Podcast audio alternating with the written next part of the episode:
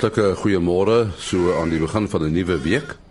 Baie welkom by op die Veepos. Afgesien van veilingnuus, praat ons met uh, Dani Karstens oor uh, oor volstruisvoeding. En dan Arthur de Villiers wat praat oor 'n inligtingsdag en 'n veiling wat in April plaasvind. Ons uh, praat nou met Dani Karstens. Hy is 'n tegniese adviseur vir volstruise by De Hees. Nou Daniel, as jy sê nou 'n tegniese adviseur by Volstruise, wat beteken dit nou eintlik? Ehm um, 'n tegniese adviseur is 'n is basies die skakel tussen die voermaatskappy en die boer. So hy dit is dis jy wat uitgaan na die plase toe en die tegniese diens op die plaas ehm um, verrig. Dit dit sluit nou in van hy om die kliënt aan die dan dan aan die begin die kliënt by te kry vir die maatskappy en dan uh, waarde toe te koop op die plaas ehm um, deur middel van diens en die regte produk aanwending en en daai daai tipe diens vir die boer te, te gee.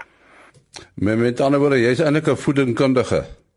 Ja, ja nee, ek is 'n voedingskundige. Um meeste meeste tegniese adviseurs is is voedingskundiges. Ja, so jy moet maar jy moet maar 'n bietjie agtergrond hê om om om op die om op die plek te kan funksioneer om vir die boere sinvolle raad te gee en en sinvolle advies te gee dat ja, dat enige iemand kan nou nie dit doen nie want dit is maar ja, ons werk ons maar met met groot geld en gister as ons in die in die in die dierevoeding bedryf werk. So jy wil nie ja, jy wil nie enige iemand met sommer net enige raad kom gee of dit nie. Ja, as jy met van dierevoeding praat, praat baie mense maar outomaties van beeste. Uh, het jy spesifiek uh, in die rigting van volstruise studeer? Ehm um, en ja, voorgraad is die voorgraad is die kursus maar redelik ehm um, standaard. Dit is dit dit sluit meeste van die van die kommersiële spesies in. Um, en nagraad het ek dus spesifiek op op volstruise gefokus. Ja, as jy mens nou kyk na die voeding van volstruise, hoe verskil dit nou van die meer tradisionele soos uh dierevoeding uh beeste? Jou jou jou volstruise se spysverteringskanaal is 'n bietjie anders as 'n as as 'n herkouer soos 'n bees of 'n skaap sin. In die sin van dat 'n volstruise agterderm fermenteerder is. Dit wil maar net sê dat die die die voorste gedeelte van die volstruise is relatief um omtrent dieselfde as 'n as 'n vark of 'n hondsins soos 'n enkelmag het.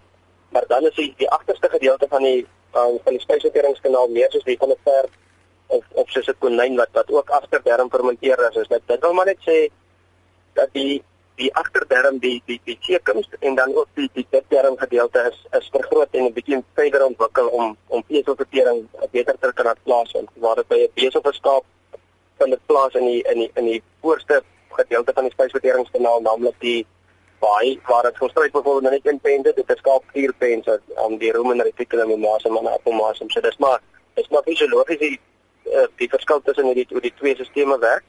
En dan na aanleiding daarvan moet mense ook natuurlik die die die koerse formuleer dat dit vir 'n vir 'n enkel mag dier geskik is. So dit verskil 'n bietjie van 'n van 'n herkouer se voer En natuurlik uh, dit moet nou spesifiek daarvoor geformuleer word, nee dit ja, nee presies. Dit is jy jy sal jy kan nie regtig 'n volstrys sien as 'n enkel mag hierdie al is hy een maar jy moet jy moet in ag neem die hele agterderm gedeelte wat wat die fisiologie bietjie anders te werk as die van 'n skaap of 'n bees. So dit is eintlik 'n 'n spesies wat uniek op sy eie is wat en vir sy vir sy spesifieke doeleindes het jy 'n manier waarop jy hom formuleer. So jy kan nie regtig jou direk jou pluim vir jou of jou herkouer model op hom toepas nie. Dit is dit is 'n dit is 'n spesies wat bietjie een kan staan wat wat dit 'n baie interessante veld maak.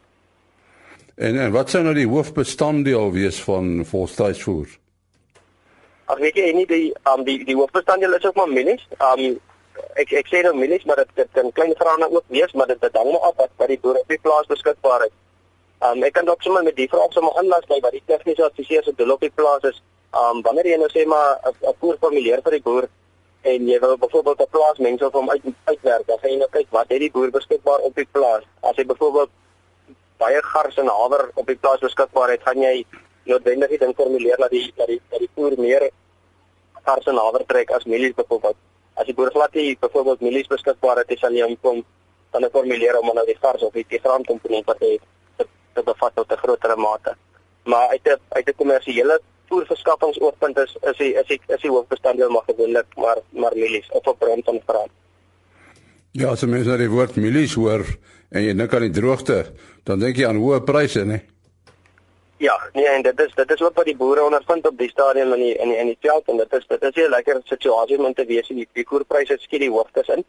Ehm um, so dit is dit is nog 'n uitdaging en ons as tegniese adviseurs en as voermaatskappye ook dit het, ja, dit, dit maak dit nogal moeilik want die die koste knyp dan knyp die boere nou kwai so nou nou moet ons planne maak om om goedkoper weg te kom met rantsoene sonder om produksieprys te gee. En produksie is tog die, die heel belangrikste faktor. Jy kan nie jy kan nie jou naam weggooi deur nou produksieprys te gee om 'n goedkoper prys vir die vir die boer aan te bied. So dis dis waar die dis nou waar die sou ek sê die kruks van die saak lê. Die toekenning wat jy gekry het vir jou meestersgraad teses oor voerformulerings vir volstruise.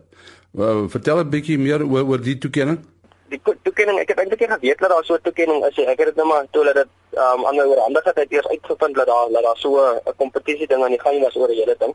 Dis maar 'n inisiatief van die Protein Navorsingsstigting van Suid-Afrika. Ehm um, dis dit hulle hulle verskaf beurse aan M studente en PhD studente elke jaar. Ehm um, tussen tussen die verskillende universiteite in die land. En dan as jy na die afloop van jou van jou teses nomineer jou studieleier gewoonlik jou teses as hy voel jou teses is goed genoeg om genomineer te word. En uit die teses wat hulle kry daar dan kies hulle die beste PhD teses en die beste MSc teses vir daai spesifieke jaar. En ja, dit is dis maar net om ek ek weet nie presies waar waaroor of, of hoe die hele kompetisie aan mekaar steek nie, maar dit dit lyk my dis maar net 'n idee om die ouens te te bemoedig om navorsing te doen en om goeie navorsing te doen en dan ook dat hulle dat hulle nie hulle hulle geld weggooi nie, maar dat dan iets kom van die navorsing en dit is groot projekte en baie geld wat hulle insteek in die in die goed dis volgens my is dit nogal 'n baie oulike inisiatief om om sulke om so 'n kompetisie um, te hou. Ja, baie dankie Dani Karstens, hy is tegniese adviseur vir volstruise by die Hees. Nou veilingnuus. Daar is 'n produksieveiling van Kreur en Leeuheuwel Bonsmaras op die 23ste Maart by Leeuheuwel en 13 Oktober by Waterpas Laagte. Dan is daar ook die tweede jaarlikse produksieveiling van Nuwe Rus Dorperstoet op die 24ste Maart By Uppington se skougronde 80 ramme en 150 oeye word opgevuil deur KLK. Tot sover veilingnuus. 1085. Ons uh, gesels met Arthur De Villiers uh en ons praat met hom oor 'n uh, produksieveiling wat plaasvind op die 13de April maar eintlik oor 'n inligtingsdag wat uh, wat vroeër plaasvind die 2de April. Dit is 'n inligtingsdag en alter wat wat kan mense nou verwag van die inligtingsdag? Wat wat is die doel met die dag? Goed, en die uh, eerstens die dag is op 'n Saterdag, hy tweede sodat ons ook ons professionele mense uh geleentheid kan gee om weg te kom van die werk af en uh, die dag saam met ons te geniet.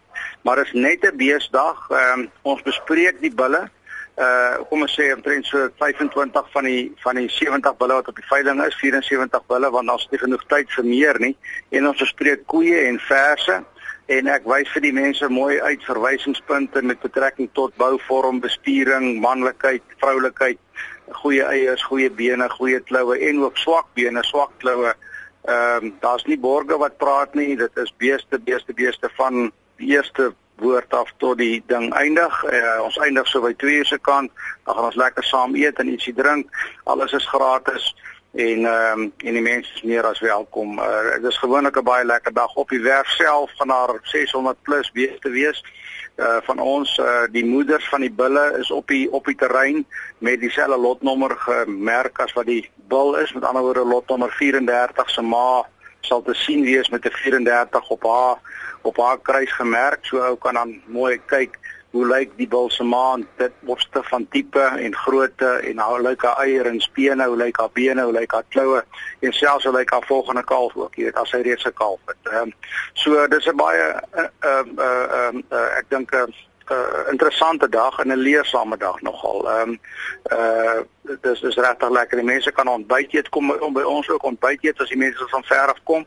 En ehm um, dis ook gratis en en dan begin die dag begin so 11:00 se kant en eindig so by 2:00 se kant wat ek sê dan nog 'n bietjie verder net sommer rustig kuier. Die diere bly ook in die krale uh met die lotnommers op en katalogus sê die mense in hand en uh, en so gaan ons dan gou die diere deur en die ouens kan rustig die dag veiling is dit bymal 'n bietjie uh, besig met baie mense en die bulle staan in kleinerige hokkies.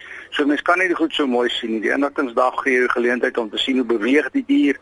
Jy hoor kommentaar oor die dier en jy kan vir my vra uh uh of of of of of enige ander kundige persoon en en enige persone is welkom enige ras mense dis dis selfs oor rasse is dit uh ons praat oor beginsels jy weet. Hoe lyk 'n manlike dier hoe lyk 'n vroulike dier? En hoe lank doen jy dit al op die manier die inligtingsdag gevolg deur die veiling die uh 'n week of wat daarna? En nie uh, dis hierdie jaar ons 24ste veiling 24ste jaarlikse produksie April veiling. Uh en um, en ek doen dit nou al uh 24 jaar. Van die eerste jaar af wat ons dit gedoen het nie. En ek moet daar baie dankbaar sê van die begin af eintlik groot sukses gewees. Elke jaar kom maar regtig tussen 80 en 120 mense hier. Dit uh So is eintlik uh, in 'n sekere sin jy toets bestuur die die uh, beeste want jy kry nou inligting oor die beeste en dan aan dan die veiling. Uh dit dra natuurlik by tot die sukses van die veiling verseker en jy weet ek het eendag 'n stelling gehoor van iemand wat sê jou beste koper is jou oningeligte koper en ons wil presies die teenoorgestelde doen. Ons wil graag hê die mense moet ingelig wees as hulle besluit neem en dis waarom ons hierdie ding doen uh om regtig soveel as moontlik uh met die mense te deel en nie 'n uh, oningeligte persoon uh te kry wat uh wat wat 'n bod gee op op 'n dier waarvan hy nie seker is nie.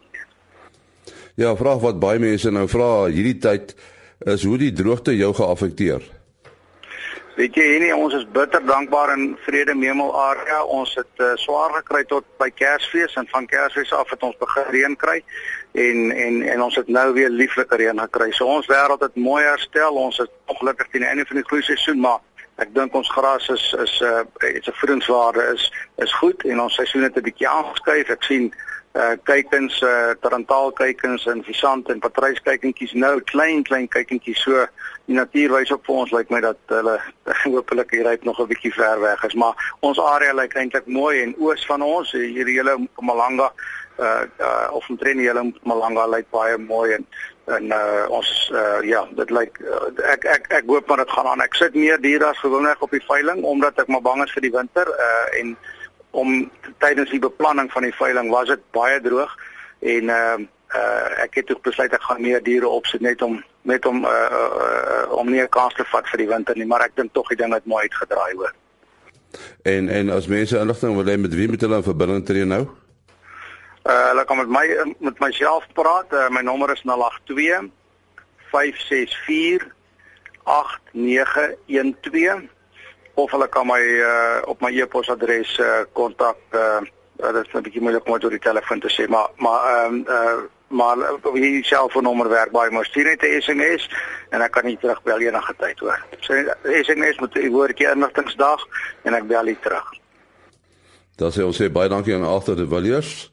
Onthou dan die inligtingsdag die 2de April en dan die 13de April die uh, 24ste produksieveiling. Sy telefoonnommer net weer 082 564 8912. daarmee ook die einde van ons program. Tot môreoggend om 4 voor 5. Mooi loop.